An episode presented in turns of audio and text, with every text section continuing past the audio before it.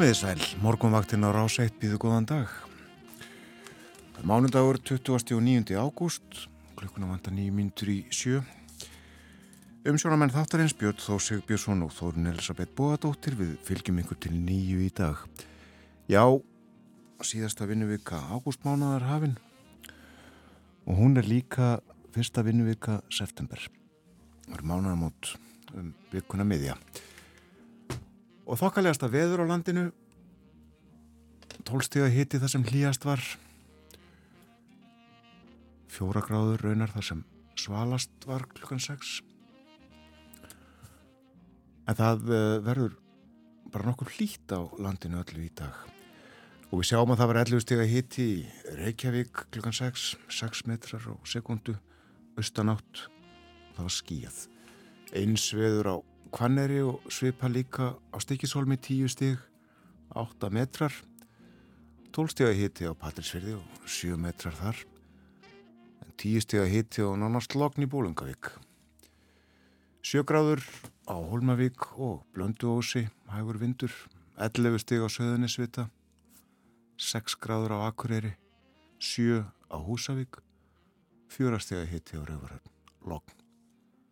7 gráður á skaldingsstöðum og 10 á eigilstöðum, heiðskipt þar, 5 metrar sunnanátt, 9 steg á höfni Hortnafjörði, 8 á Kvískerjum, 9 steg á Kirkjubæðaklaustri, 10 steg að hitti á Stórhauða í Vestmannegjum og kvast þar 19 metrar á sekundu og fór í 24 metra í mestu kviðu. 11 gráður í Árnesi og 4 steg að hitti. Á hálendinu sínist mér, en uh, já, Ég búið hlýjindi hér á þann. Já, það eru sannlega hlýjindi í kortunum. Heitin eh, alltaf 20 stegum í dag og heldur hlýra á morgun. Í dag er sem sagt spáð söðaustan 8 til 15 metrum á sekundu og rygningum með köplum en mun hægara og bjartara veðri á norður og austurlandi. Og uh, þegar við skoðum spákortið þá verður 15 16 steg að hitti í dag fyrir norðan og austan og sér til sólar viða og morgun þá verður uh, verða suðaustan 10 til 18 og rigning á suður og vesturlandi, jafnvel talsverð rigning á köplum en mun hægari fyrir norðan og austan og þurft lengst af. Og þá sínust okkur hittin geta farið í 20 eina, tvær gráður. 21 stigs hitti á hátegi á morgun á Akureyri og Húsavík. Heiðskýrt og 18 og 19 steg að hitti fyrir austan. Ég held að verði reynilega bara að gefa frí ef þetta gengur eftir fyrir norðan og austan. Það er ekki annað hægt en að nýta svona daga þegar þeir koma í loka ágústmánaðar En það lægir vestan til á morgun setnipartin og stittur upp að mestu um kvöldið. Svona hljóma veðspáinn fyrir næstu tvo daga og eh, svo er útlitt fyrir mun aðgerðar minna veður í framhaldinu, segir í hugleðingum veðurfræðings. Það er mitt það. Já, uh, gott veður, víða um land, ekki síst á Akureyri.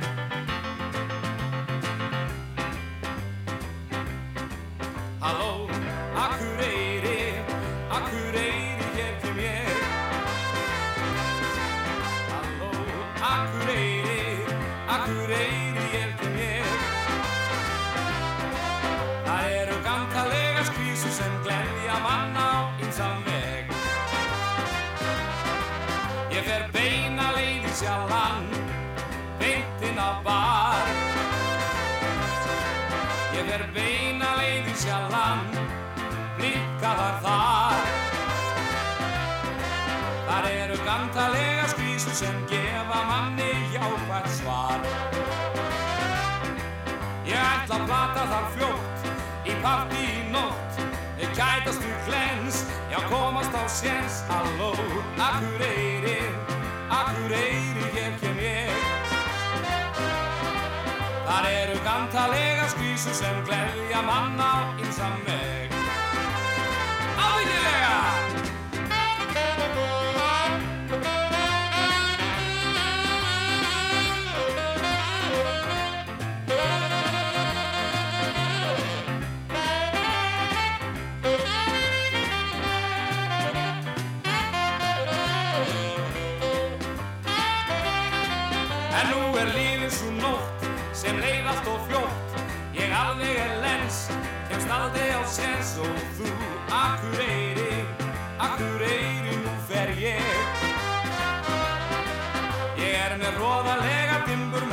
Hella mig á einsam veg. Ég er með róðalega timburmenn sem hella mig á einsam veg. Já, alveg voðalega timburmenn sem hella mig á einsam veg. Ofsalega timburmenn sem hella mig á einsam veg. Já, þessa óulegu timburmenn sem hella mig á einsam veg Halló Akureyri, leikið í tilhætna því að Akureyri bæra á aðmæli í dag 160 ár frá því að Akureyri fekk kaupstaðaréttindi og því var fagnað á Akureyrar vöku um helgina. Ég var í bænum, fór endur ekki í sjalan, en það voru gamtalega skvísur þarna, eins og Stefán Jónsson söngum í læginu með Lúto og Stefáni. Það er ímyndilegt á daskra hjá okkur á morgunvaktinni í dag, við ætlum að fjalla um uh, lagaumgjörðina utanum móttöku útlendinga. Það er í gildi lög sem að uh, ríkistjórnin hefur reynd að breyta um nokkur skeið nokkrum sinnum og uh, ætlar enn að gera nokkurum sinnum hefur frumvarpirið lagt fram en uh, ekki komist til endanlegar afgreðslu og enn er stemt á að reyna að breyta þessu. Og uh, þessi mál verða til umfjöldunir í þettinum í dag og uh, setna í vikunni verður réttu Jón Gunnarsson dónsmólar á þeirra við líka í skóla, við getum sagt sér svo biblíuskóla Þórhals Heimissonar. Meira en það á eftir. Og uh, svo litið um Gústa Guðsmann líka. Fjölbreytt dasgrá á morgunvaktinu ára ásætt í dag en uh, fréttina koma hér eftir smá stund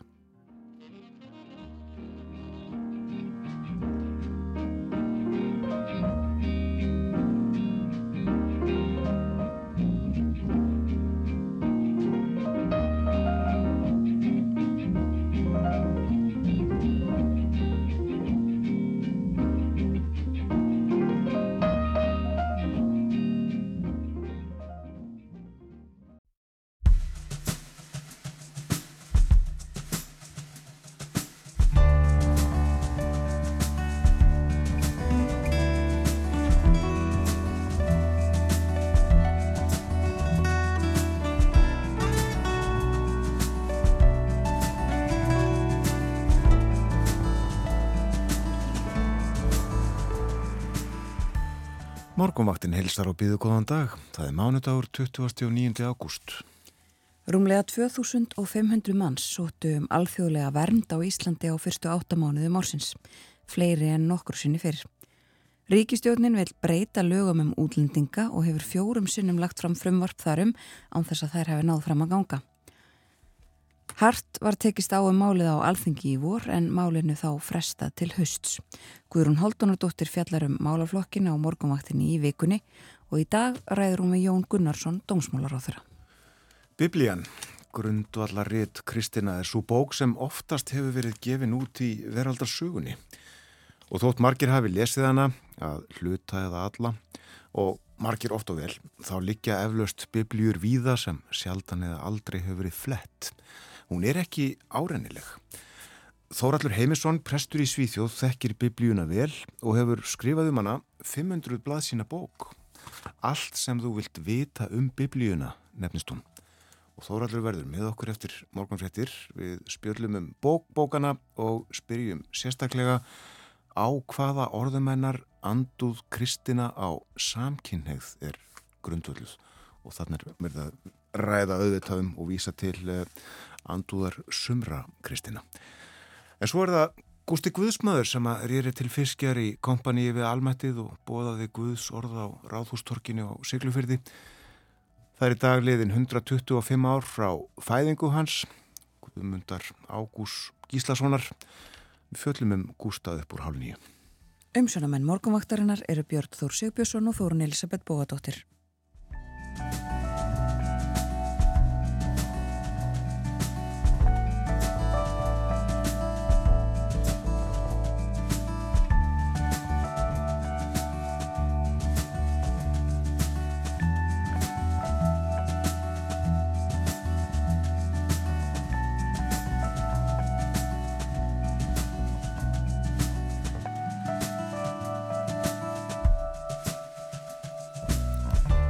Fínt veður viðast hvar á landinu, svolítil góla snemma í morgun í Reykjavík, svona þýtur í laufi, en uh, það má segja eiginlega sömarið sér komið.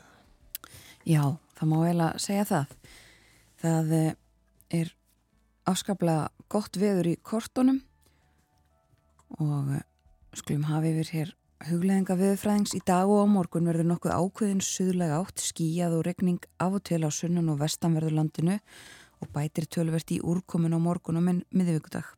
Fyrir norðan og austan verður vindur munhægari og lengst af þurft og bjart veður. Talsverð hlýjindi fylgja þessum suðlegu vindum og gæti 20 stega múrin rofnað á norðaustur og austurlandi og þá einna helst inn til landsins. Svo er útlitt fyrir aðgerðar minna veður í framhaldinu en eh, Einar Sveinbjörnsson viðurfræðingur, hann skrifar líka um þetta á vef sínum blika.is og hann segir í dag, 29. ágúst, er höfuðdagur. Hann hefur lengi verið tengdur veður breytingum, sumir telja vera þann dag sem sumarið endar og haustið tekur við. Mikið er til í því breytingar verða ofta á skipan viðurkerfa í kringum höfudag en eh, nú hins vegar verðist þetta vera í öfuga átt þessar breytingar sem að greinilega eru.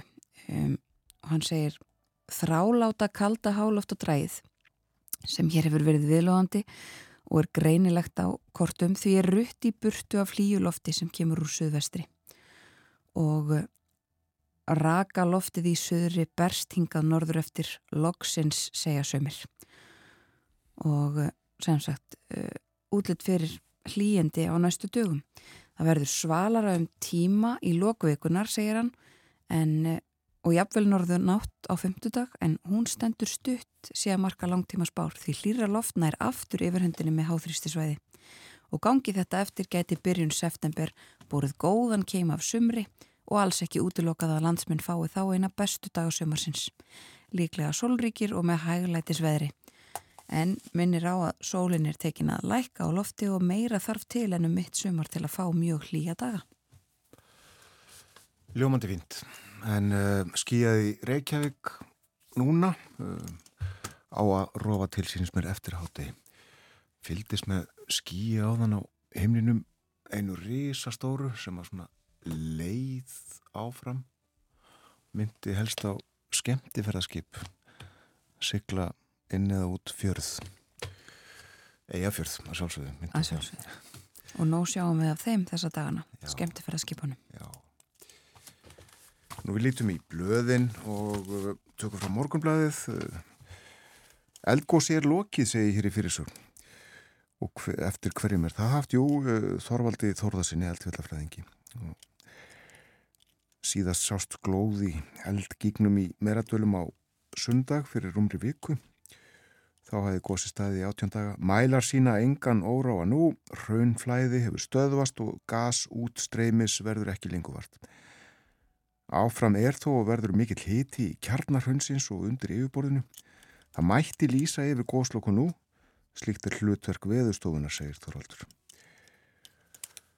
Emitt, nú og uh, það er hrútar á fórsíðumyndinni og uh, börn, og þau heita Amelia Rún og Adam Orri.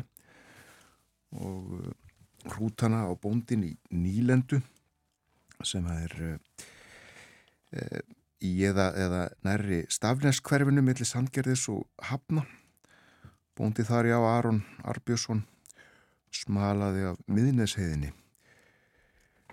Og uh, þeir eru vel hindir hrútallir hérna og uh, segir hér að, að það sé mörg horn að líta á höstin þegar sinna þarf höstverkun.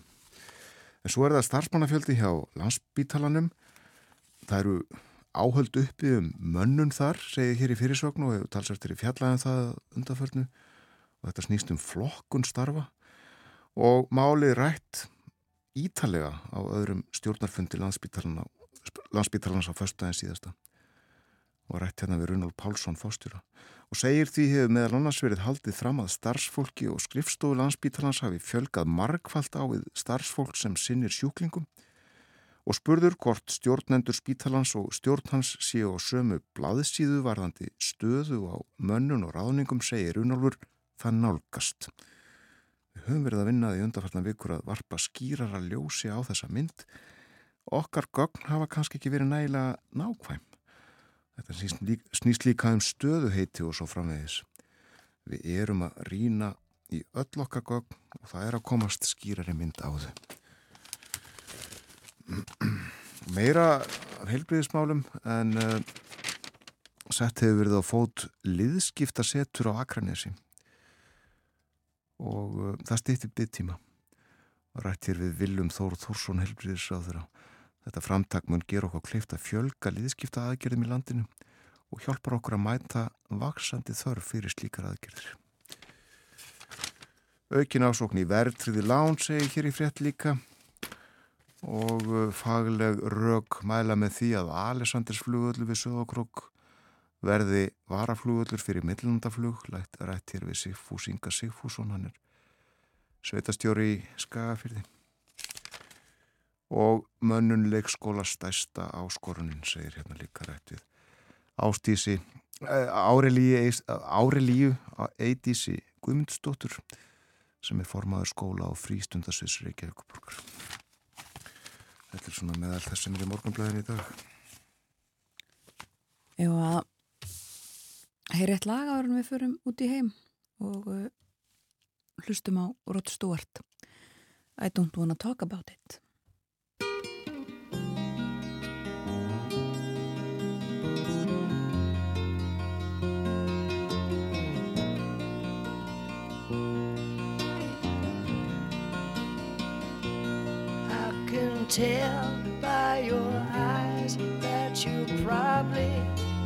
quiet.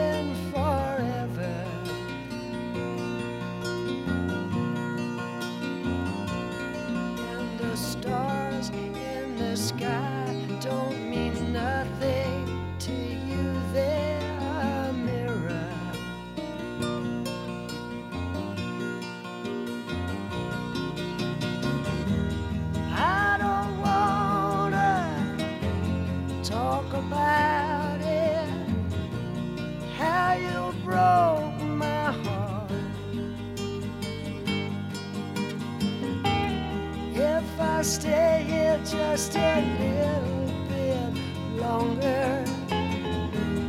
If I stay here, won't you listen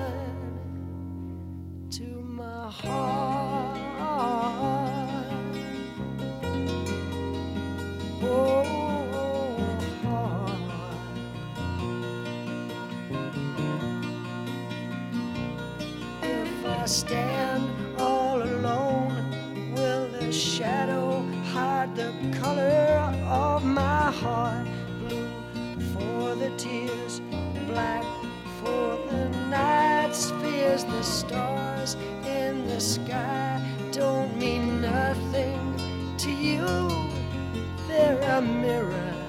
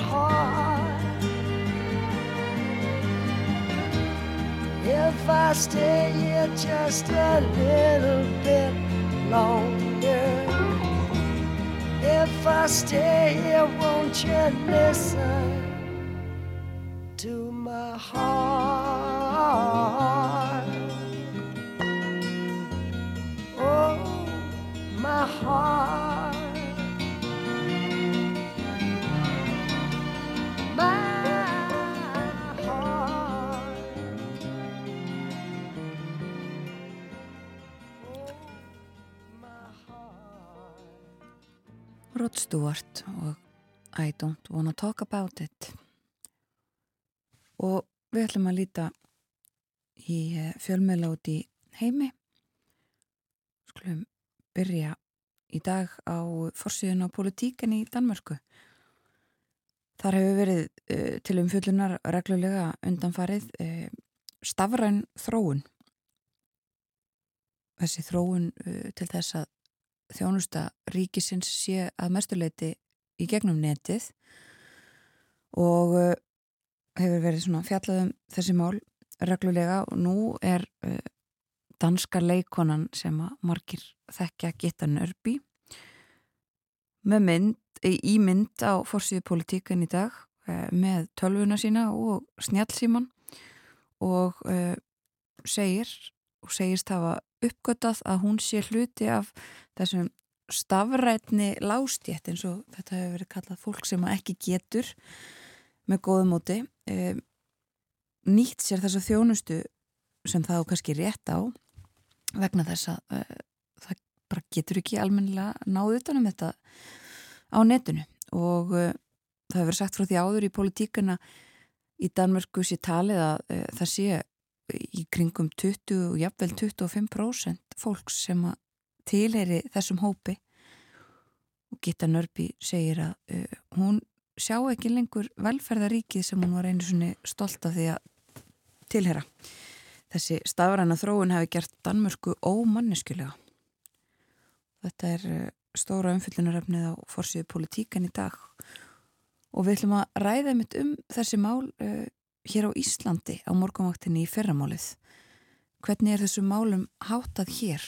Hversu stór hópur er það sem á erfitt með að tilenga sér þessa stafrænu þróun sem líka er svona megin markmiðið hjá stjórnvöldum hér á landi? Og hvernig er verið að breyðast við því? Hvað er verið að gera til þess að tryggja að fólk verði ekki út undan? Tölum um þetta nánar já, á morgunvaktinni á morgun. En frá politíken að fórsíðunni á informasjón í Danmörku líka. Það er fjallað um útlendingamál uh, sem að verið er að gera breytingar á uh, útlendingalögjöfinni í Danmörku verið að reyna að herða hana einu sinni enn og rættu sérfræðingar sem segja að uh, breytingar til þess að gera þetta ennþá strángari lögjöf þar muni ekki hafa mikið að segja í svona raun og veru.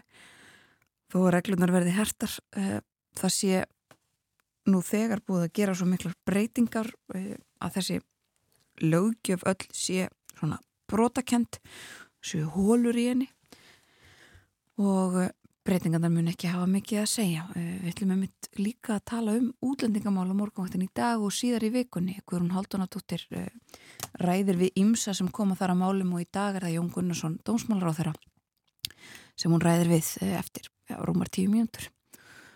Fáum við að heyra þeirra spjall. En frá Danmörku til Svíþjóðar það er fjallað um orkumál orkumólin mikið til umfyllunar í löndunum í kringum okkur og á forsíðun á dagans nýhettir í Svíþjóð er nú fjallaðum uh, eh, bensínverðið. Það er með því hæsta sem að þekkist í Evrópusambandinu í Svíþjóð og uh, það er ekki síst vegna gengismála, segir í forsíðu fyrirsögninni. En orkumólin, já, til umfyllunar víða, uh, þau eru líka til umfyllunar í, á forsíðum bresku bladana margara áfram eh, þetta er kunnulegt fyrir hlustendum morgunvaktarinnar eh, fjallaðum þetta og það hvað eh, þessir tveir frambjöðundur til formansku í íhaldsfloknum og uh, fósættisráðura embættisins þar með hvað þau ætla að gera í þessum málum Liströss uh, undir þrýstingi verða beitana þrýstingi til þess að bjóða orgu hjálp fyrir alla segir hér í einni fyrirsögninni. Og eh, á fórsíðuna á The Times er uh, vísað í nýja könnun þar sem sagt er næri helmingur kjósenda íhaldsflokksins uh, er fylgjandi því að orgu kerfið verði þjóðnýtt á ný það verði aftur sett í, fært í eigu ríkisins. Og það er 47% kjósenda íhaldsflokksins sem að segjast stiðja það. 28% andvík slíkum breytingum og fjórðungur kjósenda óviss. En hellingur af þessu uh, þessu málum á fleiri fórsýðum hægt að nefna líka Boris Jónsson sem enn er fórsættis á þeirri Breitlandi í viku í viðbútt eða svo hann er að uh, hveti fólk til þess að gefast þó ekki upp á umhverjusveitni orku. Það verði að hafa það e, áfram á dagskráni. Og svo eru það helbriðismálinn sem að líka eru í mikillu umræðu í Breitlandi út frá ýmsum hliðum, ég ætla að nefna það að fórsíðin á Guardian er, er svona rannsókn sem að þar hefur verið gerð sem sýnir fram á að uh, það séu mikill munur á því hversu lengi fólk þarf að býða eftir uh, krabbamennsgreiningu í Breitlandi eftir því uh, hvaða kynþætti það til er. Hvít fólk fær greiningu mun fyrr heldur en fólk af asískum uppruna eða svart fólk í Breitlandi. Og uh, stór rannsóknum mikil umfjöldunum um þetta, þessi mál aðeins mér af orkumálunum uh, það er verið að ræða að setja þak, verð þak á orku innan Európusambandsins samræmt uh, þak og fór uh, í Breska ríkisúttarpinu nú verið að ræða við orkumálar á þeirra innan Európusambandsins um þessi mál um, og uh, þau eru til umfyllunar þessa dagana. Töluðum um það uh, í síðustu viku að það væri verið að gera breytingar á, á þessu málum í uh, Þýskalandi. Það, og það er víðar verið að skoða hvernig hægt er að uh, spara orkuna og uh, líka passa að þetta verði ekki of hátt, fari ekki gangi ekki bara hreinlega of langt og verði of mikið fyrir heimilin í Evrópu til þess að ég á stór biti til að kingja meira af erlendum frettum kannski á eftir uh, það er ímislegt sem að er á seiði en uh, eigum að fara aðeins aftur í tíman Það lýst mér vel á. Og minna á það að í dag þá eru 250 ár liðin síðan að fyrsti breski vísindaleðangurinn sótti í Ísland heim árið 1772.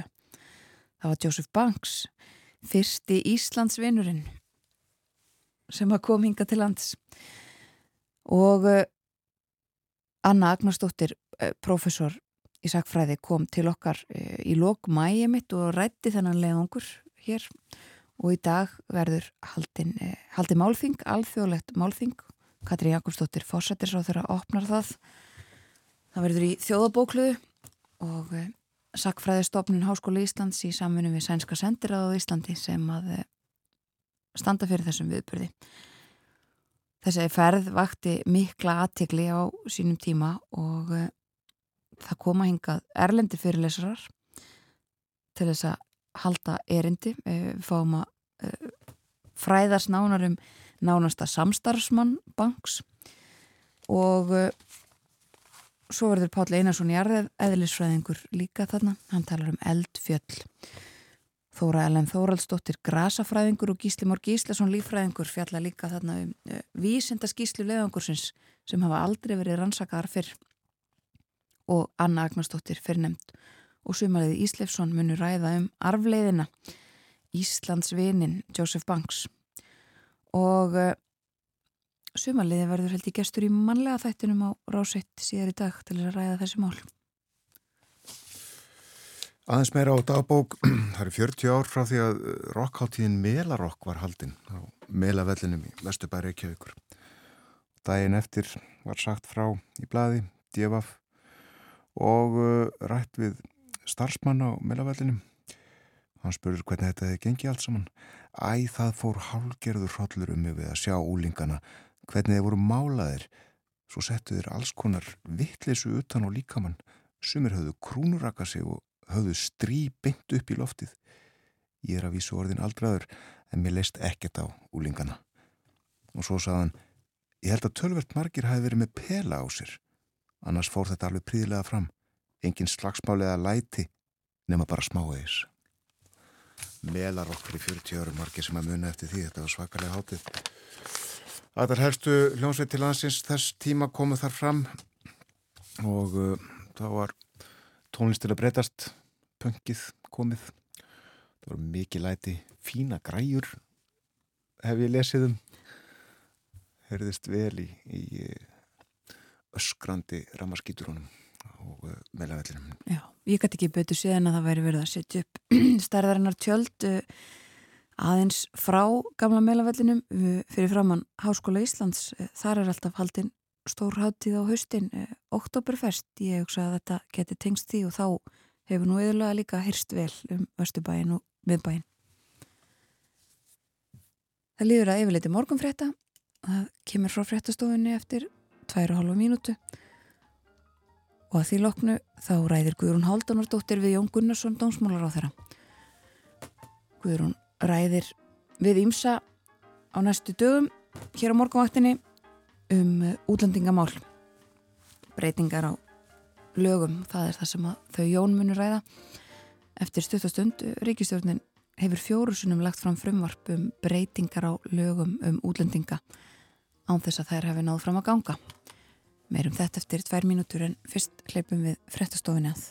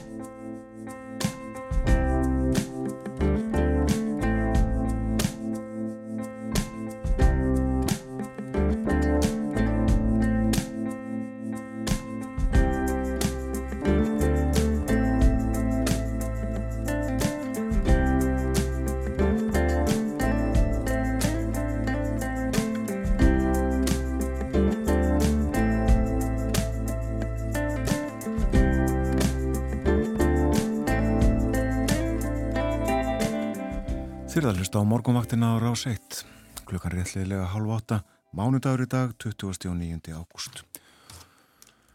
Það verður uh, hægurvindur og bjartviðri á norður og austurlandi í dag og hittin 20 stig eða þar um og jáfnveg hlýra á morgun. En suðustan 8 til 15 annar staðar og ryggning með köplum og uh, það sem ekki verður 20 steg hitti eða þar um getur uh, jafnvel um, orðið 10 steg hitti hittin sér satt á landinu í dag á byllinu 10 til 20 steg og uh, það verður hlýta áframjá á morgun eins og ég sagði 20 gráður rúmlega kannski fyrir norðan. En Einar Sveinbjörnsson viðfræðingur skrifaði pistil um horfurnar framöndan á bliku vefinsinn góða og uh, hann uh, segir að það sé vona á góðu veðri næstu daga. Já, jáfnvel bara bestu dagar sumarsins framöndan Bestu dagar sumarsins. Það er ekki þennan Það er ekki amalegt. Um, bara sunnan átt á uh, næstu dögum og hlýtt loft. Það verður kannski svalara um tíma síðar í vikunni en uh, það stendur stutt og hlýra loftna er svo aftur yfir höndinni með háþristi svæði. Og svo við bara segjum það aftur uh, þetta er fallið setningalesa gangi þetta eftir gæti byrjun september borðið góðan kem af sumri og alls ekki útlokað að landsmenn fái þá eina bestu dagar sumarsins.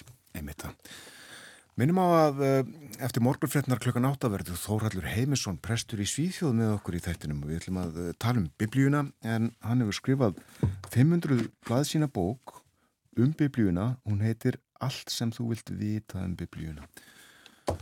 Ræðum við hann. Og uh, milli hálf nýju og nýju já þá er það Gústi Guðsmaður. Það er í dag liðin 125 ár frá fæðingu hans. Og við heyrum viðtal sem við tókum hér í þættinum fyrir þremur árum við Sigurd Ægjesson, prest á Siglufyrði um Gústa. Þá í tilitnað því að Sigurdur skrifaði bókumann og ætlum að endurleika það svona mestu leiti já, 125 ár frá fæðingu Gústa Guðsmanns Guðmundur Ágúst Gíslason héttan En nú er komið útlendingamálum Það hefur verið reynd að gera breytingar á lögum um útlendinga undan farin ár. Fjóru sunnum hefur ríkistjórnin lagt fram frumvarp sem ekki náð, uh, hefur náð fram að ganga og það var hartekist á málið í voru á alþingi en málinu var þá frestað til hausts. Og Guðrún Haldanadóttir ræðir nú við Jón Gunnarsson, dánsmálar á þeirra, um uh, þetta frumvarp. Fólksflutningar í heiminum hafa aldrei verið meiri og alla spárbenda til þess að þeir munu aukast enn frekar vegna lofslagsbreytinga og vestnandi umhverfis aðstæðina. Tugir miljóna jarðabúa er á flótta og þeim hefur fjölgar hratt síðustu mánuði, ekki síst vegna stríðsins í Úkrænu. Árið 2016 samþykti alþingi lögum útlendinga, lög sem voru afrakstur tveggja ára vinnu þvert á flokka. Mart hefur breyst varðandi þennan málaflokk frá þeim tíma. 2016 sóttu rúmlega 1100 um verðin tér og meirilhuti þeirra voru ríkisborgarar Makedóníu og Albaníu alls rúmlega 60% umsókna. Í ár hafa um 2500 sóttum alþjóðlega vend á Íslandi og enn eru fjóri mánuðir eftir á árinu. Tveira hverjum þremur eru frá Ukrænu, um 500 frá Venezuela og tæplega 100 frá Palestínu. Í nokkur ár hefur Ríkistofn Íslands ætlað sér að gera breytingar á lögunum frá 2016, síðast í vor, en það var í fjörða skiptið sem frumvarfi var lagt fram og niðurstaðan alltaf svo sama, ekki afgreitt. Í þessari viku verður þetta frumvarp skoða út frá ymsu hliðum á morguvaktinni en frá því að það var fyrst lagt fram veturinn 2018-2019 hefur það tekið ymsum breytingum Í vor var engum hort til ákvæða um alþjóðlega vend og útgáfu tímabundina atvinnulega. Jón Gunnarsson, dómsmálráþura, var fluttnismæður frumassins í vor. Jón, mynd þú leggja það fram að nýju? Já, já, þetta verður eitt af uh, fyrstu þingmálur. Ég kemið inn í þingið í höst og var svona gengið frá því í vor og við höfum unnið að uh, getum við sagt ákveðinu breytingum á því. Það eru þó, þó er í grundvallar atriðum frumvarpið það sama og það var Það var þarna eitt atriði til að mynda sem að var svona út af þeim aðstæðan sem að þá voru sem að snýri að uh, lögþvingun á því að geta tekið síni í COVID, það er farið út úr uh, frumvarpinu og einnig var personuvend með ákveðna rattugarsemtir og við erum að uh, búin að færa þær til samræmis við þeirra, þeirra tilúr. Meðal þess sem tekist hefur verið áum er að fólk sé svift framfæslu 30 dögum eftir sinnjum um vend og eru ímsir ósattir við það. Sko í fyrsta lægi held ég að við verðum aðeins að horfa til sko um hvað þetta fjallar og hvað vendakerfið snýst um. Uh, vendakerfið er ekki sér Íslands fyrirbyrðið, þetta er alþjóðlegt, uh, alþjóðlegar, alþjóðlegu samningur á vettvangi saminuðu þjóðana og gildir þá innan Evrópu og sengan, þjóð, millir sengan þjóðana um fólk sem er á flótta, líf og limir þess eru í hættu um þetta snýst uh, vendarkerfið og uh, það er mjög mikilvægt að við höldum okkur við þessi grundvallar atriði uh, til þess að raska ekki raun þeirri samþygt sem gerð var að þetta nái til þess hóp sem er í raunverulegum vanda. Staðrindin er svo að það eru margir sem reyna að koma inn í þetta kerfi á jáfnveil öðrum forsendum og það er út á þetta sem að málsmeðferðin hjá útlendingastofnun og síðan þá kæru nefnd útlendingamála gengur skoða hvert einsta tilvik og meta það hvort að það fólk sem umsækir um vend hér í heima í vendakerfinu eða ekki. Og eh, ef að niðurstaðan er hjá útlendingarstofnun þannig að því er sinjað á grundvelli þessara skoðunar og þá ber að geta þess að uh, allir sem að sækja um þeir fá lögskipaðan talsmann uh, til að sinna sínum málum og þá getur fólki kært til úrskurðarnemdar útlendingamála og ef að sinjun kemur þar að þá á að framkvæma brottvísun, þá veit fólki það að búið að hafna umsók þeirra og það á að fara úr landi. Það geta síðan orðið ímsar ástöðu til þess að það tefjist. Eh, frumvarfi gerir á fyrir þeim breytingum að það sé í raun og veru ekki kvati fyrir fólk til þess að dvelja hér lengur heldur en þörf er á út af einhverju mitri aðstæðum heldur hérna eh, sé detti nýður þessi þjónustaf félagsleg, fjárhagslegu stuðningur og þjónusta sem að fólki fær frá Íslands og skattborgurum þegar að það kemur eh, með þessu umsóksina fram. Þannig að það líður ákveðin tími, 30 dagar, þá mun þessi þjónusta falla niður nema fyrir síður skilirði sem að fólkið sem umræðir hefur ekki tök á til að mynda að það tekst ekki að fá vegabrif eða ferðapappira frá öðrum löndum og svo framins. Það geta verið margar ástæður.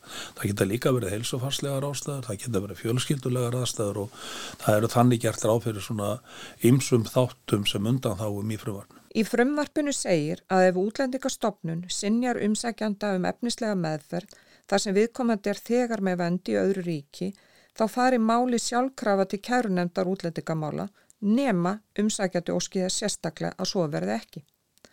Umsækjandin þarf síðan að skila greinagerti kærunemdarinnar innan 14 daga frá því að hann fær niðurstöðu útendingastofnunar í hendunar.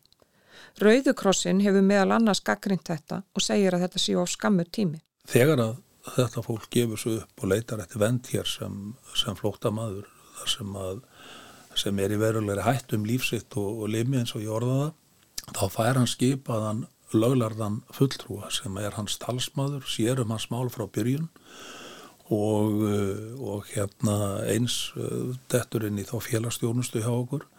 Þannig að sko auðvitað er viðkomandi lögmaður ekki að koma nýra málinu við áfríun og uh, það geta verið aðstæður sem að kalla á það, það þurfi einhvern lengri tíma og þá tel ég að sé ástæða til að taka til þess.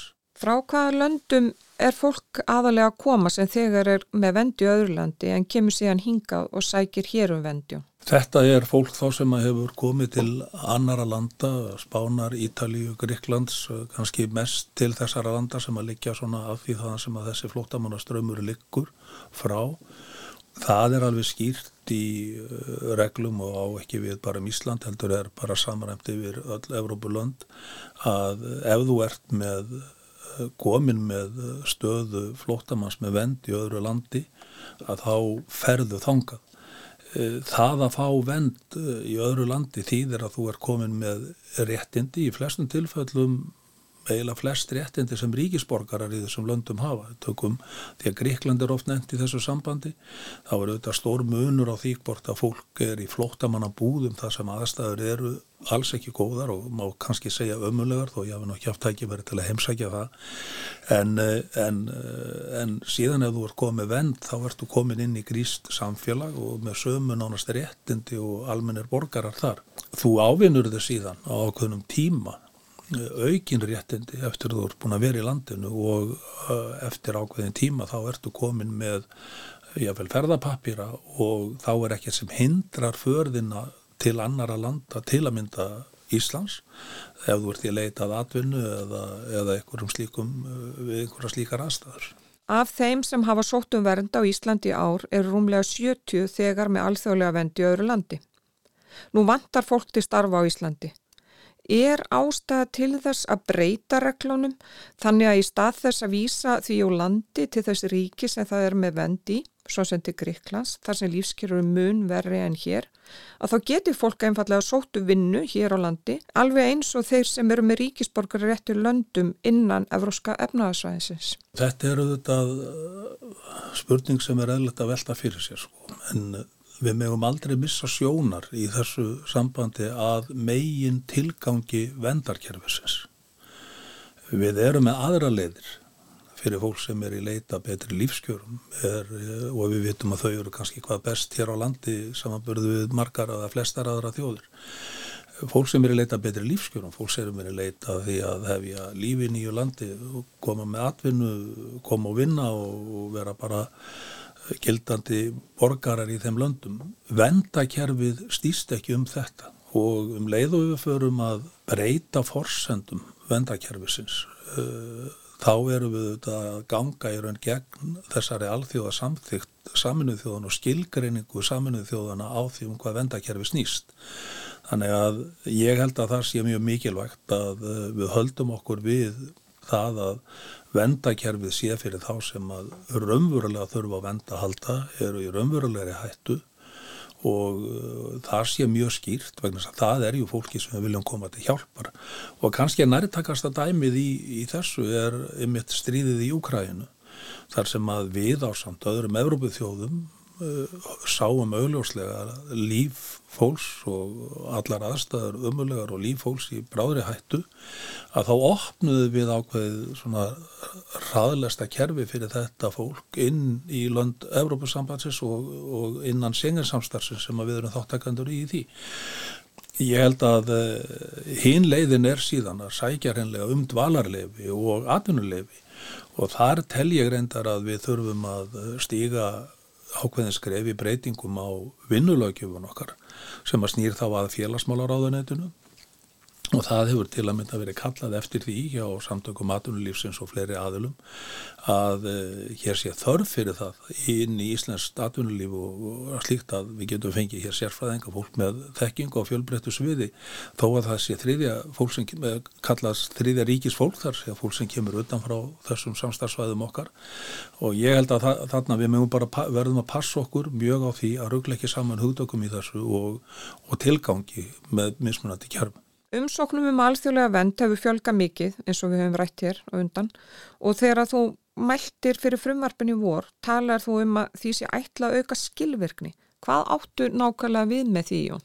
Við höfum verið þó búið þannig um nútana og það er svona, má segja, önnur nálgun heldur en löndin sem við berum okkur sama við, Norðurlönd og önnur Evrópulönd að við höfum verið hér með svona rýmri móttökuskilirði og gert aðeins minni kröfur. Eh, þetta síðan við þessu hefur verið varað af sérfræðingum á þessu sviði og sagt að þetta mun leiða til þess að ströymurinn mun að fara að aukast mjög. Þetta er alltaf ganga eftir og við sjáum það að hlutvalslega eru allar tölur hér á sama tíma og þær eru frekar svona niðrávið á Norðurlöndunum. Þá er okkar kurva á, á hraðri uppleið og við höfum aldrei sé aðrar eins tölur eins og á þessu ári. Bursið frá því að sko hvort að Úkræna er talin með eða ekki. Ef við bara tökum Úkræn út fyrir svega sem alveg sérst að þá eru við samt með gríðalega aukning á þessu ári. Það er út af því að kerfið er ákveðin segull og þegar ég tala um skilvirkni að þá er nú kannski eitt af því sem oft hefur verið gaggringt hér í samfélagslegri og þjófélagslegri umræðu um þessi mál er þegar að fólk hefur hér verið í þessum langa málsmeðferða tíma og fólk er farið að skjóta rótum, börn farin að gangi í skóla. Eh, það þarf að skýra þessa reglur, fólk sem er í þessari stöðu er að leita hingað, kemur í ljósa það er ekki, sko, heim, á ekki heim í vendakerfinu en það lend ekki í þessari stöðu og við erum þarna með ákvæði í þessu frumvarfi sem að munu gera þetta þessa málsmess fyrir alla skilverkari og skýra í raun og veru þann grundvöld sem er fyrir fólk til að koma hingað á sækjum hann hefur verið á óskýr og virkaði raun sem segull til þess að, að láta reyna á hlutina hér. Það er miklu herra hlutfall umsækjanda um alþjóðlega vend á Íslandi frá Venezuela heldur en í flestum ríkjum Evrópu nema kannski Spáni hvers vegna ferðast fólk yfir hálfan nöttin til að fá vernd hér á landi? Jú? Það er bara einfallega vegna þess að eh, hingað er bara auðvöldur að komast og, og það er eh, sko í þessum málum eins og öðrum, það má segja fiskisagan flýgur og það er endar áhugavert að, að heyra af því sko að, að það sé reynlega á samfélagsmiðlum verið að hvetja fólk til að koma hinga og segja þeim hvað það sé auðvelt og gott og gott að vera hér og, og svo framvis tólkun kærunendar uh, útlettingamála sem að er endalega stjórnsísu stíði þessi hefur verið uh, hér með þeim hætti að Venezuela hefur verið flokkað með löndum sem að eru sko, hættu stíði fyrir fólk að velja í og það er með öðrum hætti til að mynda heldur og Norðurlöndin hafa gert og og ég get alveg sagt það að mér finnst uh, svo nýðust að vera já, minnst okkast ég getum að sagt að hún sé áhugaverð í þeim skilninga til að mynda norðmenn sem að, að þessu leiti er ekki mikill munur á lögjöf okkar. Að þeir settu saman mjög stóra rannsóknanemnd og fóru í mjög ítalega rannsóknar þess að komast að annari nýðustuð þannig að uh, við erum þarna bara sér á báti og, og í sjálfur sér tekur þetta frumvarp ekki sérstaklega á þessu máli en, en staðrættin lasir við okkur og við sjáum já, markfældni í því hver þróunin er og aftur tala ég um þennan segul um leið og við erum með einhver frávik frá því sem að samstarfslönd okkar er að gera og erum að eh, með greiðari leið að þá, þá sjáum við það byrtast í þessum niðurstöðum. En svo segir Jón, þá er þetta neyðarkerfi og ætlaði að veita fólki sem er í neyð úrræði sem að eru mannsamöndi. Flesti sem hafa komið yngað í ár eru frá Ukrænu og í fyrra var áallega að kostnæðurum við kerfið væri 3,5 miljardur. Er ekki ljóst að hann verður miklu meiri en það í ár? 3,5 miljardur á þessu ári er augljóslega ekki að duga til þess þarf þá að uh, grýpa að brúa það bíl á fjáröka lögum uh, í vetur eða núna fyrir áramot. Uh, eins og þú segir, Ukræna, fólk frá Ukrænu, tölunar svona skekkjast í samanburði við fyrir ár uh, vegna þess stóra hóps sem að þó er, vil ég segja, enn í dag fámennari heldur en jafnvel við reknuðum með. En bursið frá því að við bara tökum Úkræðinu, fólk var Úkræðinu út úr þessu mengi, að þá erum við samt sem áður með aukningu, mjög mikla aukningu í öll, öllum frá öllum öðrum þjóðum. Venezuela Eh, líka öllum hinnum þjóðum. Þannig að aukningin er mjög, mjög mikil og, og við bara sjáum það að, að kerfið svona er við að bresta sem stað sveitafélug sem að verða að taka á sig skildur í þessu eru hreinlega farin að segja eru, við getum ekki meira, þetta er orðin yfirfull, við getum þetta ekki. Þannig að það eru þetta mikil áskorun sem við stjórnvöldum blasir hvernig við ætlum að leysa úr því. Eh, þannig að eh, þessi þróun við þurfum einhvern veginn að, að svona ná að eh, stemma þannig stígu vegna þess að grundvallar atriðið alltaf í þessu í þessu flóttamanna kerfi grundvallar atriðið verður alltaf þetta að við getum synd sómarsamlega þeim sem að við þurfum og eigum að taka við samkvæmt vendakerfuna og viljum taka við, viljum gera vel við viljum hjálpa börnum aðlagast samfélaginu, viljum geta skotið skjólsúsi yfir fólk og svo framvis. Já, þú vísar þá einmitt til þá að geta búið fólki upp á gott almennilegt húsnæði, skólagöngu fyrir börn, leikskóla og skólagöngu almennt bara. Nákvæmlega og við verðum átt okkar á því að, að reynslan sínur okkur það, það er reynsla hér á hjóðurum þjóðum, að það fólk sem er að koma úr slíkum aðstæðum er að koma úr kannski mjög erfiðum aðstæðan. Ég vil búið að missa fjölskyldu sína í einhverjum tilfellum og þetta eru þetta fólk sem þarf alveg sérstakka aðgátt kakvart og þarf í mjög mörgum tilfellum á bara sérstakri og ég vil langtíma aðstóða að halda. Eins og við Jón Gunnarsson, dónsmálar á þeirra rættum um, þá hefur fólki á flótta fjölga mjög og undarföllum árum. Vegna COVID-19 lokuðu mörg lönd landamærum sínum og að fólki á flótta nánast gert ókleift að komast úr þeim ömulegu aðstæðum sem það bjóð við. Á sama tíma gerðu mörg ríki hlið og endursendingu fólks sem hafi verið sinja um vend. Sangvænt upplýsingu frá stóðdelt ríkislauglustjóra hafa 15 verið sendir hérðan þar sem afir ári þar sem þeir voru þegar með vend í öðru landi. Af þeim voru 13 sendið til Greiklands, 1 til Ítalíu og 1 til Fraklands. Þremur hefur verið vísa á landi á grundvelli diblina samningsins en þá eru viðkomandi sendið tilbaka til þess lands sem umsokk viðkomandi um vend er enn ólokið. Alls hefur sjö börnum verið fyllt úr landi á stóðdelt ríkislauglustjóra þessu ári. Sangkvæmt upplýsingu frá útlætikastofnu Þýskalands hefur þeim fjölga mjög frá árunni 2019 sem þanga leita eftir vend þrátt verið vend í Greiklandi. Í lók júli voru þessar umsoknur 50.000 talsins. Hlefa gert á aðgræslu umsókna í einhverja mánuði en í lok júli var búið að afgræða 22.000 umsóknir og var í 84,5% tilvika svari í ákvætt. Í Þýskalandi sé hvert þessara mála skoða sérstaklega og þráttur hafi fengið vendi Greiklandi og um leið heimildi búsötu í Evrópusambandinu þá hafi þessu flótafólki verið veitt vernd í Þýskalandi. Við látum þessar umfjöllunum við frumvart til laga og breytingum um málefni útlendinga að loki í byli en tökum upp þráðuna nýju hér á morguvaktinni klukkan hálf átta á miðugudagin. Guðrun Haldanadóttir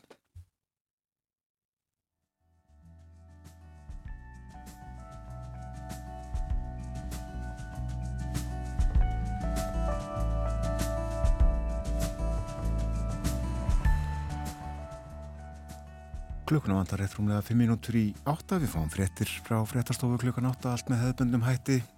Og eftir fréttirnar þá setjust við á skólabekk. Förum í biblíuskóla Þórhals Heimissonar. Við ætlum að fletta með honum nýju bókinans sem telur 500 blaðsýður allt sem þú vilt vita um biblíuna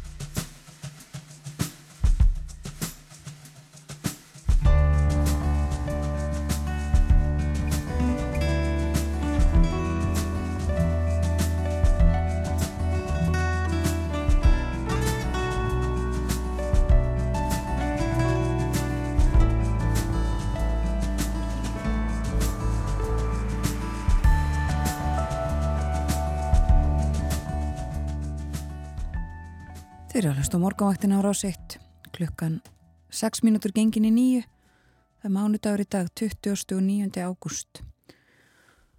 Og hér fyrir frettinnar rætti Guðrún Haldunadóttir við Jón Gunnarsson dónsmálar á þeirra Guðrún mun halda áfram umfjöllunum útlendingamál á morgunvaktinni næstu daga. Og við minnum á það að hér á eftir verður umfjöllunum Gústa Guðsmann viðtal við Sigurd Ægjesson prest sem að skrifaði bókum Gústa. Það eru liðin 125 ári í dag frá fæðingu hans.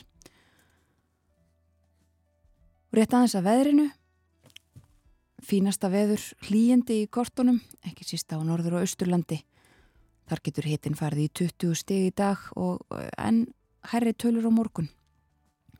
Hægur vindur og bjart veður á norður og austurlandi en annar staðar söðaustan 8 til 15 metrar á sekundu í dag og regning með köplum. Svipað upp á teiningnum á morgun, söðaustan 8 og regning á söður og vesturlandi en mun hægari fyrir norðan og austan og þurft lengst af. Og eins og fyrir sagði enþá hlýra á morgun, 21 stygg seti jafnvel. En þá er það biblían, margt má segja um hana, þetta grundvallar ritt Kristinar trúar, en auðlesin er hún nú ekki. Biblían hefur komið út í óteljandi útgáfum á óteljandi tungumálum, eða svo gott sem, og er svo bók sem oftast hefur verið gefin út. Og ég segi bók, og það er nú ekki alveg nákvæmt því biblían er í raun bækur, sapn bóka. Líkt og Þóraldur Heimisson, prestur, rekur í nýrri bóksinni, allt sem þú vilt vita um biblíuna heitir hún. Og í henni útskýrir hann biblíuna sem slíka efni og innihald, merkingu og meiningu og hann les líka millir línana. Góðan dag Þóraldur. Já, góðan daginn.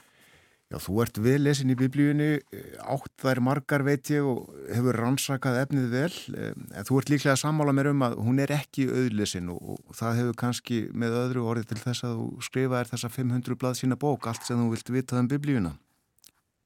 Já, er nú þannig að ég hef verið að fást við fræðslustarfi gegnum tíðina og haldið námskeið hér og þar um biblíuna en mitt og, og það er nú yfirleitt viðkvæði sem kemur upp að fólk er svona hrættið að lesa hana og finnst hún torskilinn og þung og, og veit ekki hvað það var að byrja og, og þannig. Þannig að ég hef svona verið í gegnum árin að reyna einmitt að, að, að kannski einfalda fólki leiðina að biblíunum til þess að bara skilja hvernig hún er samsett og, og hvernig hún var til og sagan og allt það og hvað hún fjallar og hvernig þetta er að tólka hana og og smátt og smátt þá svona sapnaði þessi sarpin og ég eiginlega var að býða eftir tíma þegar ég gæti kannski sapnaði þessu öllu saman í eina bók sem að nú hefur orðið. Og þú kynntist biblíunni sjálfur ungur að aldrei? Já, það má segja það ég, eins og oft þegar ég er að skrifa þá tengi ég þetta nú textana þessi mína eigin æfi sögum orðar svo leiðis og bakkum veröldina í hér og þar og allstaðar og, og ég er nú pressónur, saði minn sem þetta sér að heimi Steinsson mér skilst að ég hafi einmitt setið hjá honum eða leigið í vöggu þegar hann var að læra grísku á sínum tíma, þá var hann heima að passa mig. Um leiðum hann lærði grískuna og, og lasi yfir mér sko kodnabarninu og mamma var að vinna fyrir okkur okkur kallunum, þannig að, þannig að það er kannski fyrstu kynning. Já, skilur grísku?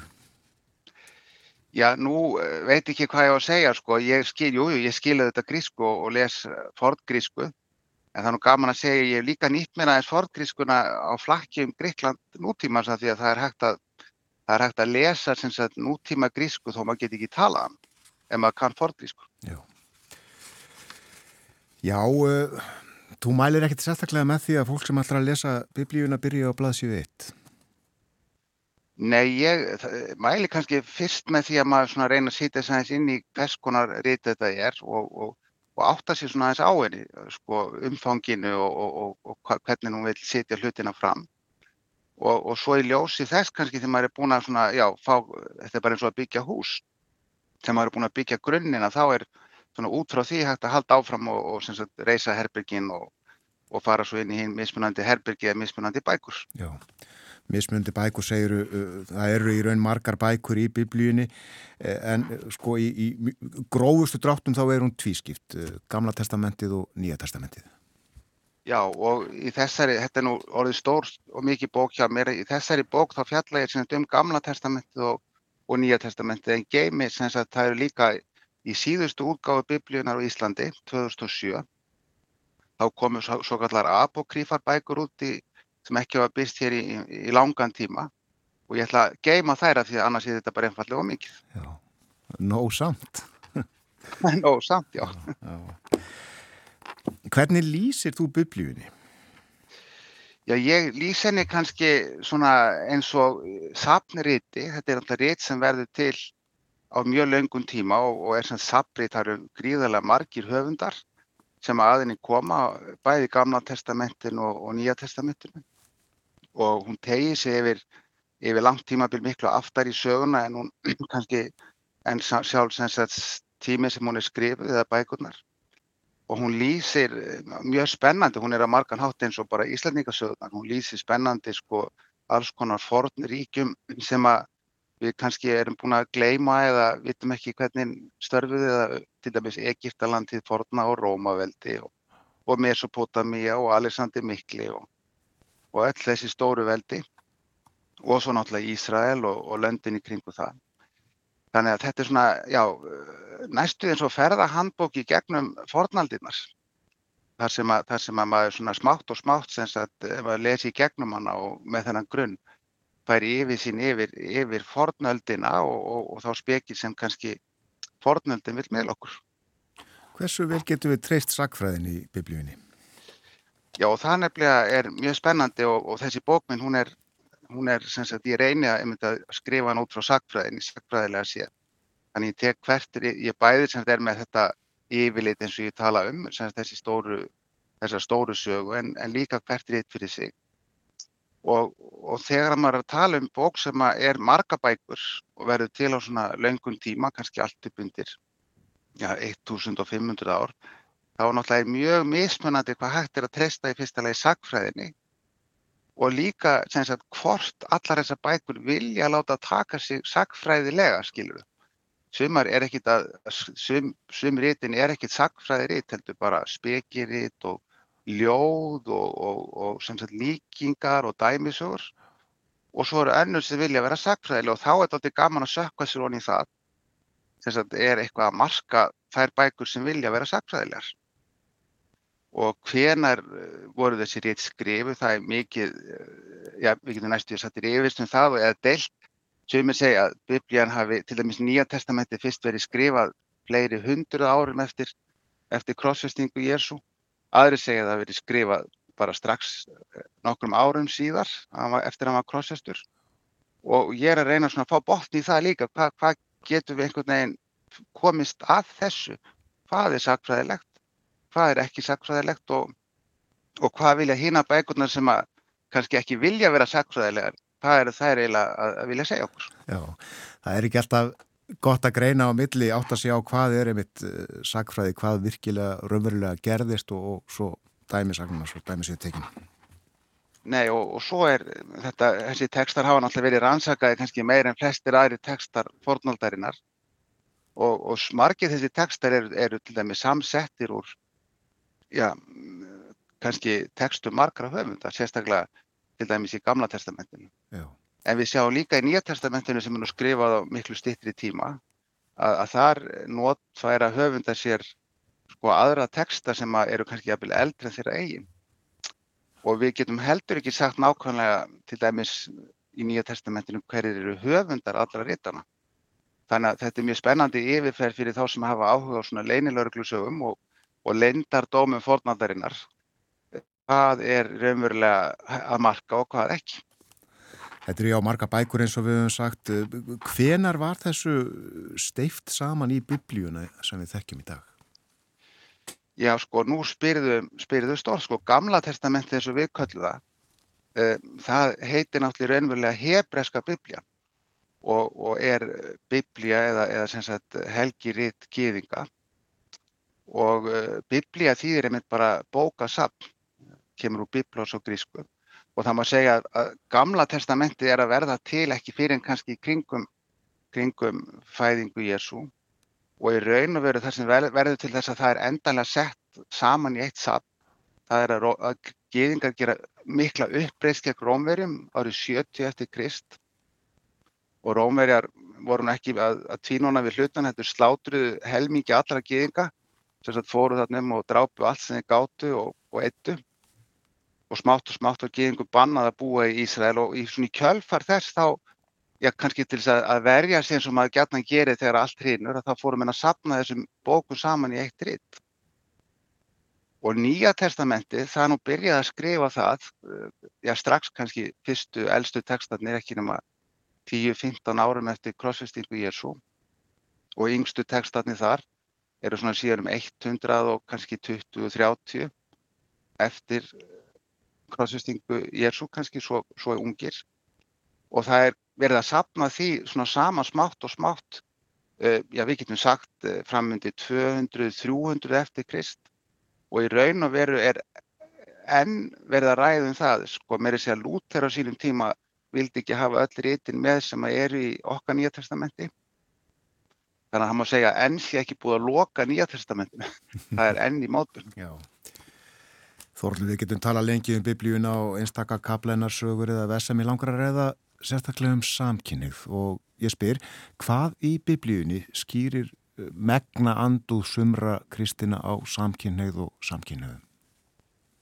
Já, og þá kannski má, má geta þess að í, í þriðja hluta þessara bókaminnar þá tek ég mitt fyrir svona ymsa hluti sem að hafa valdið deilum eins og til dæmis spurningin um samkynni og, og það sem að veldur kannski það er það að sumir hópar kristina eh, kannski sem að fyrirfram er að leita að einhverju til þess að nota gegn samkynniðum hafa valið og fundið ákveðna texta í biblíunni sem þeir tólka mjög bókstaflega út frá þýðingum á biblíinu sem eru kannski ekki gerða fyrir ná 18. og 19. öld til þess að, að sagt, eh, nota sem eitthvað skonar, já, við getum sagt sleggju til að segja að samkynneið sé syndug og, og andstæð guði og allir samkynneið þar með. Uh, í, í raun og veru finna sér ákveðna text, þetta er nú oft talað um ákveðna sjö texta sem þeir í fyrsta lagi þýða og í öðru lagi tólka á það nátt. Og, uh, Spurningin, spurningin er svo aftur á móti einmitt uh, sko hvort að þeir hafa rétt að standa eða ekki og það er það sem að kannski hefur verið deilt mjög mikið um og er jáfnvel enn deilt um að því að, að sem að segja bókstarstrúaðir eða til dæmis hópar í bandaríkunum sérstaklega í dag þeir eru sem sagt vaksandi því að ráðast á eða hafa aukið árásu sínur á samkynni eða út frá þessum textum til dæmis. Já. Það stendur margt ljótt um samkynnið og samkynniða í biblíunni. Já, það má segja það, en svo má líka segja sko, að það fer alltaf eftir hvernig þú þýðir. Og það ljóta sem stendur, það kannski kom hvað ljótast inn á, eins og ég segja, 18. og 19. öll, þegar maður fór að þýða ákveðin hugtök, úr bæðu grísku og hebresku, með hugtakinu samkynnið. Og hafa síðan haldið fast við það, í staðin fyrir kannski að lesa frekar já við getum sagt heildar, heildar frásög biblíunar og hvernig menn tólkuðu þessa texta áður til dæmis og, og svo já til dæmis sem kristnir menn hvað Jésu segir um þessa sögu alla. Hvað segir Jésu? Og það er nefnilega aldrei skemmtilegt finnst mér að hann segir ekki neitt. Hann hefur engan áhuga eða áhyggjur af hvorki samkynniðum eða gagkynniðum eða kynnið manni við leitt og það er aldrei merkilegt að hann satt nú ekki bara í, í Ísrael eða í í Galilegu vatn heldur lappaði nú tölvert mikið um nákrenni Ísæðis líka. Og á þessum tíma þá var mikið af grískum já, ríkjum og nýlendum svona í kringum Ísrael.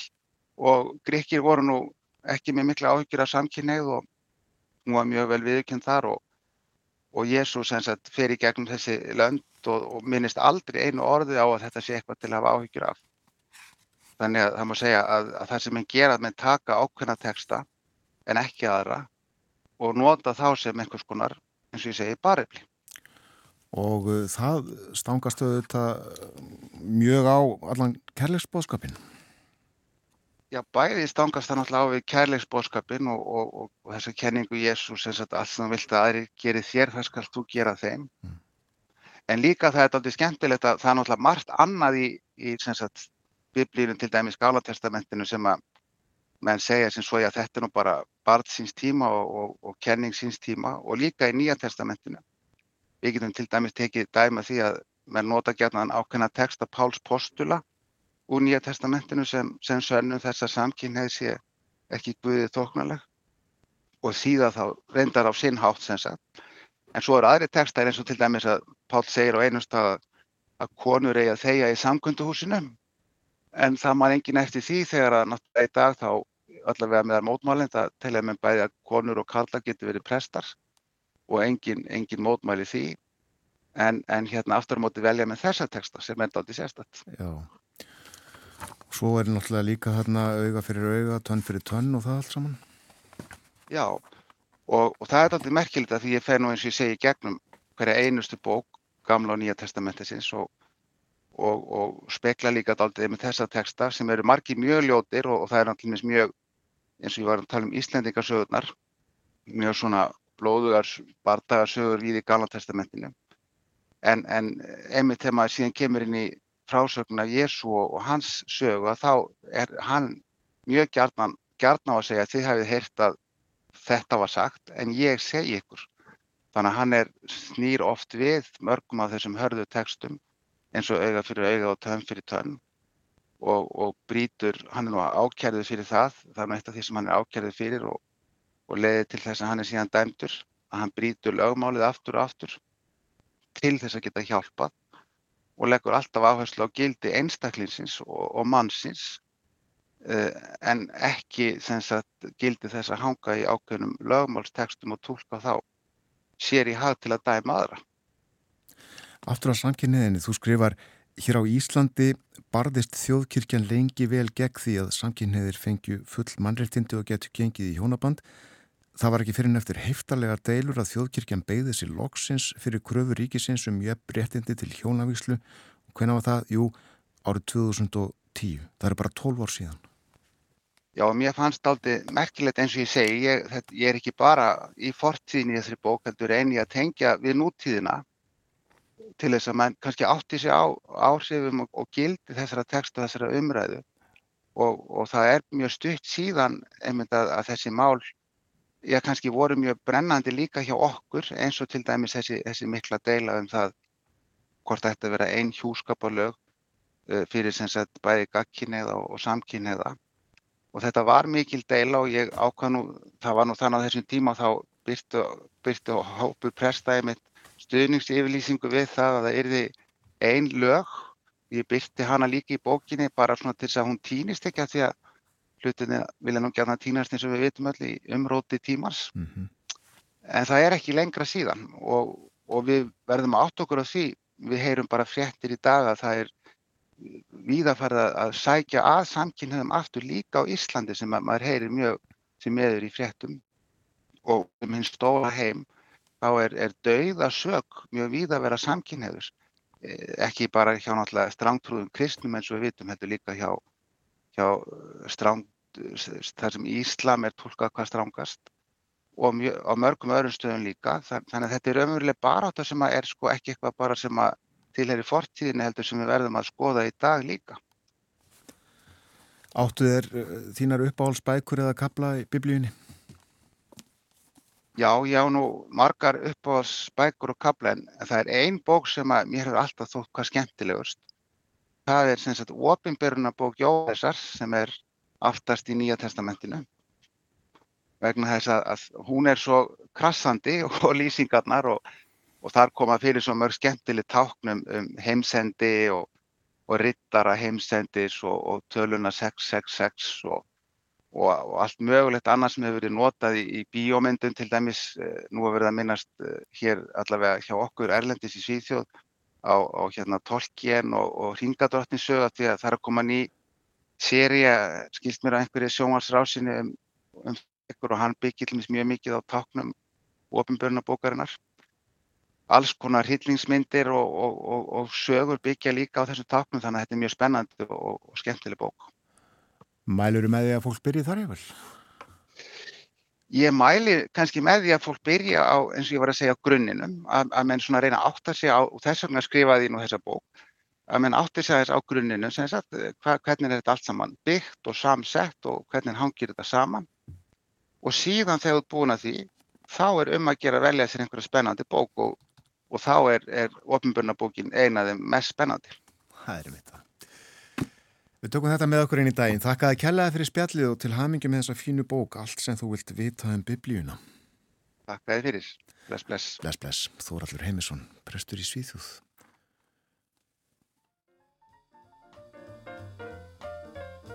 Eftir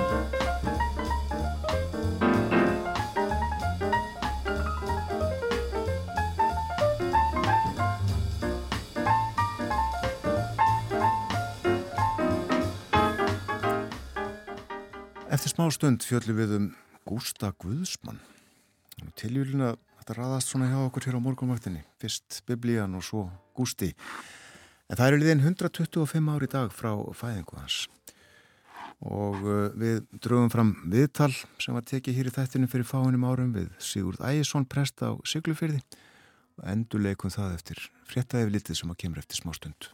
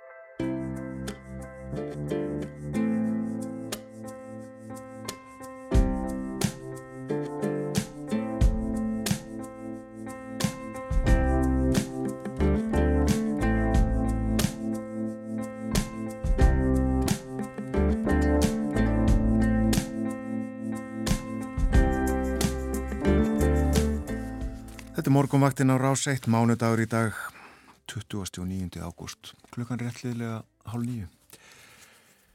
Já, í dag eru liðin 125 ár frá fæðingu Guðmundar Ágústs Gíslasonar, Gústa Guðsmanns. Það var merkilegu maður, alþýðu hetja, mannvinur, sjómaður og trúbóði. Gústi fættist í Dýrafyrði, bjó í Nýfstal og á Ísafyrði, en fluttir umlega þrítur til Siglufjörðar og þar mannina mestu eftir það. Fyrir þremur árum kom út bókum Gústa, Sigurður Ægjesson prestur á Siglufjörði skrifaði og hún heitir Gústi, Alþýðuhetjan, Fiskimaðurinn og Kristnibúðinn. Og við þessum tætti áttu viðtal við Sigur þegar bókin kom út í november 2019 og ætlum að endurleika það núna á þessum tímamótum og Sigurður saðist fyrst hafi verið bísna lengi að skrifa bókina. Það var þá langt síðan hann byrjaði. Jú, það er eiginlega átján ár. Ég byrjaði þegar ég gerðist prestur á Siglufyrði í, í byrjun oktober 2001 Já, og svona fór ég að byrja að viða mér efni. Já hvers vegna? það var nút af því að ég hafi verið burtu þá í 25 ár. Ég fættu hér á uppalinn og fór í mennskólan á Akureyri þegar það að koma og var svo í burtu lengi og, og þegar ég kom þarna þá fór maður að skoða svona bæði með öðrum augum, það hefði bara verið hér í mýflugumynd á, á sömurinn og þá svona refjast upp þegar maður horfið yfir, yfir áðustorkið að, að hann stóða hann blessaði kallin og og þrumaði við liðnum. Og mér fannst það eiginlega bara eiginlega skilja að, að, að fólk fengi að vita eitthvað eitthva nánar um hann en, en bara þetta að, að hann hefði verið þarna. Vita eitthvað hvað hann kom og hvað hann hefði gert og Og það var nú heilmikið aldelis og, og þetta er mikið verk þessi bók uh, uh, stór og þykk og þú byggir á ymsum heimildum, brefum og dagbókum og öðru sem að gústi létt eftir sig og þú skoðaðir viðtöl sem að tekjum voru við hann um æfina og talaði líka við fjölda fólk sem að uh, þekkti hann en uh, svo byggir það einhverju leiti á personlegum kynnum af, af uh, Gústa og, og nú langar mig Sigurður að, að byrja þig um að segja frá þegar þú sem gutti fóst heim til hans og og svo líka þegar úlingurinn Sigurður sá á, á, á siglu og gekk fram á Gústa og, og hugsaði svo sem eitt og annað um þennan gamla mann. Já, sko ég hef alltaf haft áhuga á fuglum og ég var með dúfur þegar ég var, var yngri og eins og margi hér í Siglufjörði og ég man að ég fór einhver tíma til hans og mér vantaði, ég, bæði, ég hef líka sapnaði eggjum eða sapnaði eggjum á þessum tíma. Hvort ég var að, ég sækja eggja eða beðum dúfur eða hvað en ég maður vel eftir þegar ég kom þarna og það var dimmt þarna jæmt og sprakka og, og kallt og maður þurfti að fara upp þarna fyrirlegan stiga og, en hann tók mér vel kallinn og þótt að kannski þekkti mikið að ég var norðubæðingur og hann var í suðubænum en þetta er svona maður finnur ennþá svona já, hvað var, hvað var kallt í, í minningunni, þetta er, þetta er mjög, mjög enginlegt að, að upplifa þetta. Vera þarna og, en eftir á er mjög dýrmætt að hafa, hafa upplifað þetta að, fara á byggðan um þetta og En svo þegar ég var án eldri þá, þá var ég að fara einhver tíma, ég verið eitthvað 15-16 ára, var ég að fara sundasmotni að tóka að vera í bíó. Og um, sem ég kem þarna fyrir hodnið á, á, á lækjörgötu og, og aðalgötu og þá, ég var nú búin að heyri honum áður að hann væri að, að, að lesa þarna en við vorum bara tveir í miðbænum, engin annar og ég man að ég hugsaði hvað þetta væri nötulegt að, að hafa fæðist í syklufyrði, ég var það að hugsa um gamla manni sko, hafa fæðist í syklufyrði, hafa aldrei farið að hann og, og sennilega myndi hann aldrei fara neitt. Ekki nema bara á telinu sinni rétt út á, á syklunis eða eitthvað slikt. Maður vissi ekkit meir um hann enn þetta. En á þessu augnabliki, sko, þegar ég horfið tilbaka, ég, ég döði skammast mér sko vegna þess að sko fyrir 1929 var hann búin að sykla um allan heimin þessi maður. Já, hugsaður. Bara það er til heimildi frá hann á Svalbard og Suður Amerík og, og sagnir frá Ástralíu og, og Afrík og ég veit ekki hvað og hvað. Þannig að Það þegar, fyrir 29. þegar þú hugsaðir þetta sem sagt þá hafði hann farið víðar en þú mynd líklega nokkur tíman Já, fara já, sjálfur. alveg bótt. Hvernig stóðu á þessum ferðalögum? Sko, maður náttúrulega veit það ekki. Það er kannski einhver ástasaga í spilinu sem að eitt orðum á staði upphafi. Um, það tókust svona, já, ásti með vinnukonu sem voru á heimilinu og Gustá. En aðstæðu voru þannig að, að fóstufæður hans var nýt áinn, það var 1923 og um, ekki hann var loks búin að finna vinnukonu sem henni líka vel við og var nýkomin af, af, af húsmæraskólanum Ósk. Þannig að mm, þeim var eiginlega stíjaði sundur, segir, segir sagina fjölskyldunar. Og, og hann fer þarna 23 til Spánar með, með íslensku, með skipi sem er að fara með fisk og hann veikist illa og, og um, er ko- komið á sjúkrahús á Ítali og, og síðan í bakaliðinni í Skotlandi og, og þetta er svona upphafið af, af einhverju, einhverju merkilu og hann, hann var ekki huga líf sko en, en, en hann komst í gegnum þetta og, og þetta er, ég veit ekki, einhver æfintir að þrá eða, eða eitthvað í bland sko. Já. Og uh, þú uh, held sem úlingur að hann hefði fæðist í, í, í Siglufyrði en, en uh, svo var ekki hann fættist vestur á fjörðum ekki satt? Já, hann fættist í dýrafyrri. Já. En uh, er býr, býr í 50 ári eða svo á Siglufyrði? Já, hann missi móðu sinna þegar hann er öðru ári og fer þá í nýfstal til móðu sinnar og eiginmann sennar sem var, sem var sjómaður og 1905 farið inn á Ísafjörð og, þar er Gústi eiginlega meira heimili þangar til hann kemur hingað 29. Já. Þá var hann búin að fara á biblíuskóla í, í Nóri og hann endaði þetta flakk sitt þannig sko hann, hann fekk einhverja, einhverja köllun, einhverja viturinn Já. þegar hann sá neyðina í Afríku viðist vera á og þá fer hann að biblíuskóla og, og kemur svo hingað Segðu okkur svolítið Sigurður frá uh, lífi og tilveru Gústa á Siglufyrði. sko merkir þetta að, að fólk hér held að Gústi hefði komið 48 það var út af þessu viðtali sem Átni Jónsson tók við hann sko. En hann mismyndi þar gala manni hann kom, sem sagt, hann kefti til 49 og um, fyrir þá að róa og gefur já, nokkur veginn allt sem hann, sem hann aflar á átreilunni En svo tekur hann upp á því að, að standa á torginu og viðar í bænum og, og, og lesa upp úr, upp úr biblíunni og, og einhverja ræður sem hann, sem hann, sem hann átti að hafi skrifað eða, eða einhver annar hafi skrifað. Já. Og um 1950 er hann orðin bara mjög þekktur um all land, vel hans í Vestmanheim, með heimild frá 48 eða 49. Þá er Sigverðingur það stattur og, og þá kemur Gústi gangandi inn í mötunum til sem þar var og, og þá er þessu sikvinningi bent á að þetta sé, sé fræði Gústi Guðsmaður. Þetta er 48 eða 49. Já. Og annað sikvinningur, uh, gammal maður núna, eða eldri maður, hann, hann segir að í kringu 1950 hafi Gústi verið orðin stort nafn á seglufyrði bara fyrir þetta hvernig hann hvernig hann aktaði Já. en það er eh, líka heimild sem ég hef um það að hann hafi verið byrjaður að að standa og prétika þarna löngu, löngu áður þegar að þegar fadur hans bjó með honum hér á Siglufyrði en pappa hans baður um að að gera þetta ekki og hann verið stafa bara hlíti og, og byrja svo eftir að gamle maður var fallin frá Hvernig tóku siglfyrðingar þessu uh, uppáttaki? um, flestir voru nú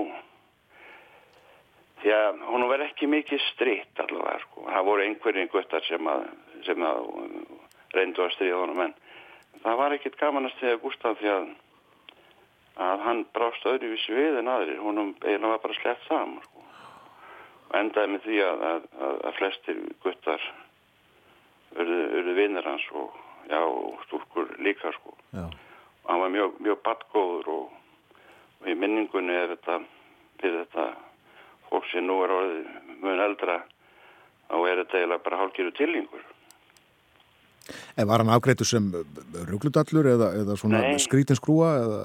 hann var aldrei ágreitur sem rögludallur hann var bara það var frekar að, að menn bara gengu framjá og jú, jú, menn hlustuðu en en um, hann var ekki ágreitur sem bara einhver einhver rugglaðu kall. Nei, ég upplýði það ekki þannig. Þannig að fólk hefur borið virðingu fyrir þessari sterku trúans og, og, og svona uh, þörf fyrir að, að bera út bóðskapinu, breiða. Já, já. Og, og eftir að spurðist út hvað hann væri að gera, sko, þá, þá bárum við enn meiri viðingu fyrir honum, sko, þegar með vissu að hann væri að gefa, styrkja fólk út um allan heim, eh, börn til náms og, og, og svo framvið, sko. Akkurat. Þá svona, já, tókum við ofan fyrir honum í huganum, um leiðu gengur framjá. Þótt þið væri ekkit endilega að stoppa og, og, og, og hlusta svo allir sæju. Nei. Hann bölvaði og ragnaði út í eitt, segir Já. á, baksíðu bókarinnar. Já, Manni finnst það ekki koma heim og sama við trú, trúna. hann kunni íslensku hann gústi sko Já, ég hef oft hugsað um þetta og hann hann var hann spurður um þetta við tölum áður og hann svara nú á ímsalun sko en, en hérna það var ágætt hvernig hann svaraði frængu minni hérna móðursýstu minni henni Lóu hún sagði að Gústi þetta er alltaf skrítið með þig en þú ert svo trúað maður en engilega sko bölvað mikið. Hann átti nú ekki svar við þessu þá en næst þegar þið hittust þá sagði hann heyrðu frú mín, hann var svo mikið, hann var svo mikið sentilmaður þegar, hvað, hvað, hvað fólk var það, hann, hann var umtalað. Heyrðu, heyrðu frú mín hefur þú lesið, eða þú spurði mig hér síðast ef við hittumst á hverju bölvaða svona mikið? Hefur þú lesið Passíusálmana? Já, hún hafði það já, ég, mér var nú ég lærið þessa Passíusálma þegar ég var ungu maður amma mín kendi mér þá lestu þá og, og aðtúaðu talsmátan þar við og ekki orð í að passu salmana. Þannig að hérna, það er ekki allt sterilisera þar eins og kannski veist. En hérna, annar stað sag, sagði hann að, að þetta væri ekki af andanum, sko, þetta væri bara holdið og, og í raun og verið hefðinga þýðingu. Eflust er þetta eitthvað tengt sjómennskunni, sko, og hérna ég man eftir þegar ég var á verti 17 ára, einhvern tíma höfum að vertið í Vestmannum að við fengum yfir okkur brot og þá umbreytist áhefnin bara þetta eins og að vera í Bölvi sko, það var, það var alveg stór fyrirlegt sko, þannig að þetta er eitthvað sem að ég held að menn hafa bara nota bara til að fá fá áhefnina til þess að gera það sem þurft að gera Já. ég held að Uh, já, uh, á sjónum segir hann var auðvitað fiskimaður og, og hvað, rér í eiginlega öllum veðrum eða hvað? Hann er í öllu veðrum, hann var alveg gjörsanlega óttalösi sem aður. Og það eru margar, margar sögur af því og, og það er engendust flestar af því að, að hann, hann tilkynnti sín og aldrei kallinn Nei, og hérna, en það var ekki betur fylst með nokkru manni en, en Gústa. Sjómið voru alltaf að, að svipast um sko, er Gústi þarna eða hvað er hann? Og, og ef hann kom ekki í land þá fórum við bara út og leituð sko. Og það er eiginlega í, í flest öllu með öllum tilvíkum þegar, hann- svo fannst innan gæðsalapa og hann var sagt að Gústi það, það er verið að leita þér. Leita að mér. Sko hann vissi alveg hvað hann var, hann var ekki tindur þannig að það er svona þetta var ótrúlega maður. Það er vist ábyggilegt og uh, já, þú segir bóstæðlega hann var engill í dulagerfi. já. Ég fullir það. Og fleiri hafa gert það og, og pendi líka sko þetta var þetta var engin til að gerfi sko. Það var ekkit betra hjarta tilverið minna Nei. og svo að minnur ofta Pétur Postula sko, hann var svona þessi grófi karakter sko. Uh, aftur uh, Sigurður til hamingi með uh, bókina um Gústa, hún er mjög glæsileg efnismikil auðvitað og þetta er fullt af myndum, það hefur verið til svolítið efni af, af um Gústa og já, eins og ég segi, myndir á honum, skemmtilegar og það eru, þær eru margar teknar úr, úr þar sem hann er, er í trillunni emitt. Já, það hefur varðvist aðeins en auðvitað hefur maður viljað vilja sjá það fleiri sko en þetta er eitthvað annað andra myndir í þessari bók og, og hérna svo reyndi maður náttúrulega að velja það sem að sagði mest, mestu söguna sko en það eru til myndir hann bara frá því að hann er pínu lítill og Já. og fermingamyndir til á honum og, og, og svo frá við sko þannig að það, þetta er svona já, dekkar þetta nokkuð vel sko Já, og svo líka myndir á honum emitt, emitt á torkinu, uh, Já, já, það margar hrópandi myndir. guðsvorðið. Já, já, flesta myndirnir eru náttúrulega þaðan sko menn hafa menn hafa hérna tekið að þeirri gengur fram hjá eða Já, Enda áhugavert myndefni. já, já, Eh, enn og aftur til Hamingju Sigurður uh, og kæra þakki fyrir spjallið Herru, bara takk sem leiðis og fyrir að segja okkur svolítið frá uh, Gústa, Gústa Guðsmanni en í blá lokin uh, hvernig kom það til að, að, farið var að kalla hann uh, Guðsmann, Gústa Guðsmann? Það er það sem engin veit sko. Og, og annað sem engin veit er af hverju hér báturinn hans Sigurvin? Það er svo merkilegt sko. Það eflust hefur einhver spurt hann einhver tíma og, og, og hann sagt en það hefur ekki varðist þannig að ég er með hugmynd um það einmitt af hverju það gæti hafa verið sko. Þeir, fengið það einmitt í Ísafjörði þeir, sem, þeir sem vilja vita lesi bókina. Já, það verður bara að gera svo vel. Þetta var um Gústa, takk aftur og goða kveður Nei, takk, takk, bless. Þetta var Sigurður Ægisson, prestur á Siglufyrði. Endur leikum hér uh, næstu þryggjára gamalt samtal sem við áttum hér í þættinum á morgunvaktinni.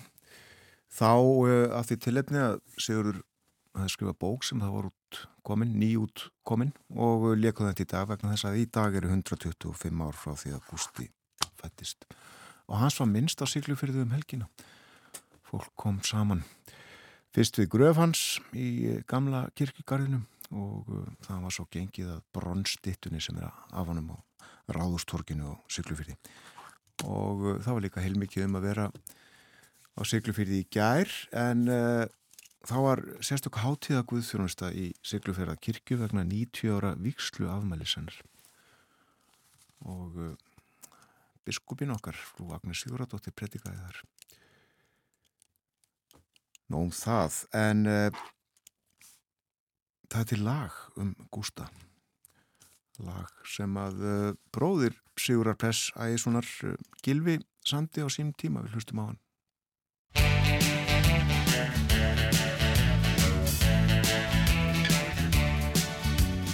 Á dýrafyrði fættist hann þá eignuðumst við afreiksmann og ættum það að muna alla tíð.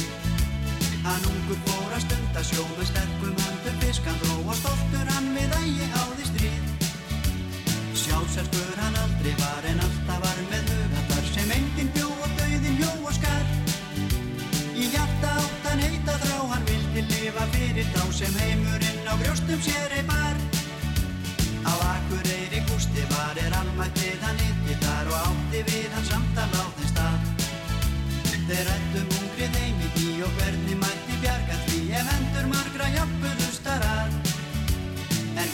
Gissa gústa sál var góð, það var í leindarmála Gott var ekki að finnast líka þér. Í útgerðandi gústa fekk og gústi strax að þessu gekk. Gústi hafði kraft að vit og gerr Hann kefti líka bát. Frá syklu fyrðir erði hann út á hér bláa haf. Hann kefti líka bát. Og öflan sem hann grótti kristni bóðs hann alltaf gaf. Sjáfur hann í brakkabjó, banstarfi og af því hann var oftast eitt um það vissi aldrei neitt hvað ofta gardi með eigandan var. Á þorgið oftan gústi gekk og drúar eittar fólki gekk. Því drúna vindi gústi sérfið mann. Oft á því hann alið skó er úr himnum eldist blóð en engin árið hátti það á hann. Hann vissi hver að verki var sem einsinn var að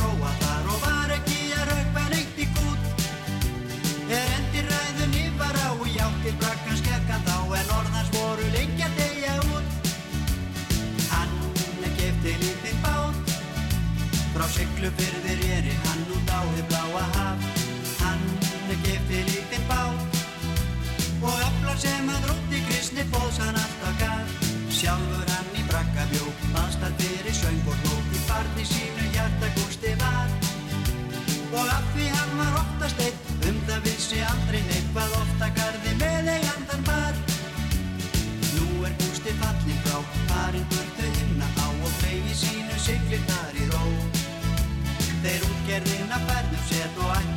að leggja net í öllu hreitn og alveg steltum sjó. En allan allan gústi fær að eiga fyrir fórnir þar sem útgerðinni færðan jörðu á. Almætti þar um að sér eins og fyrir í heimi hér er þeir held á hafið sigl og frá.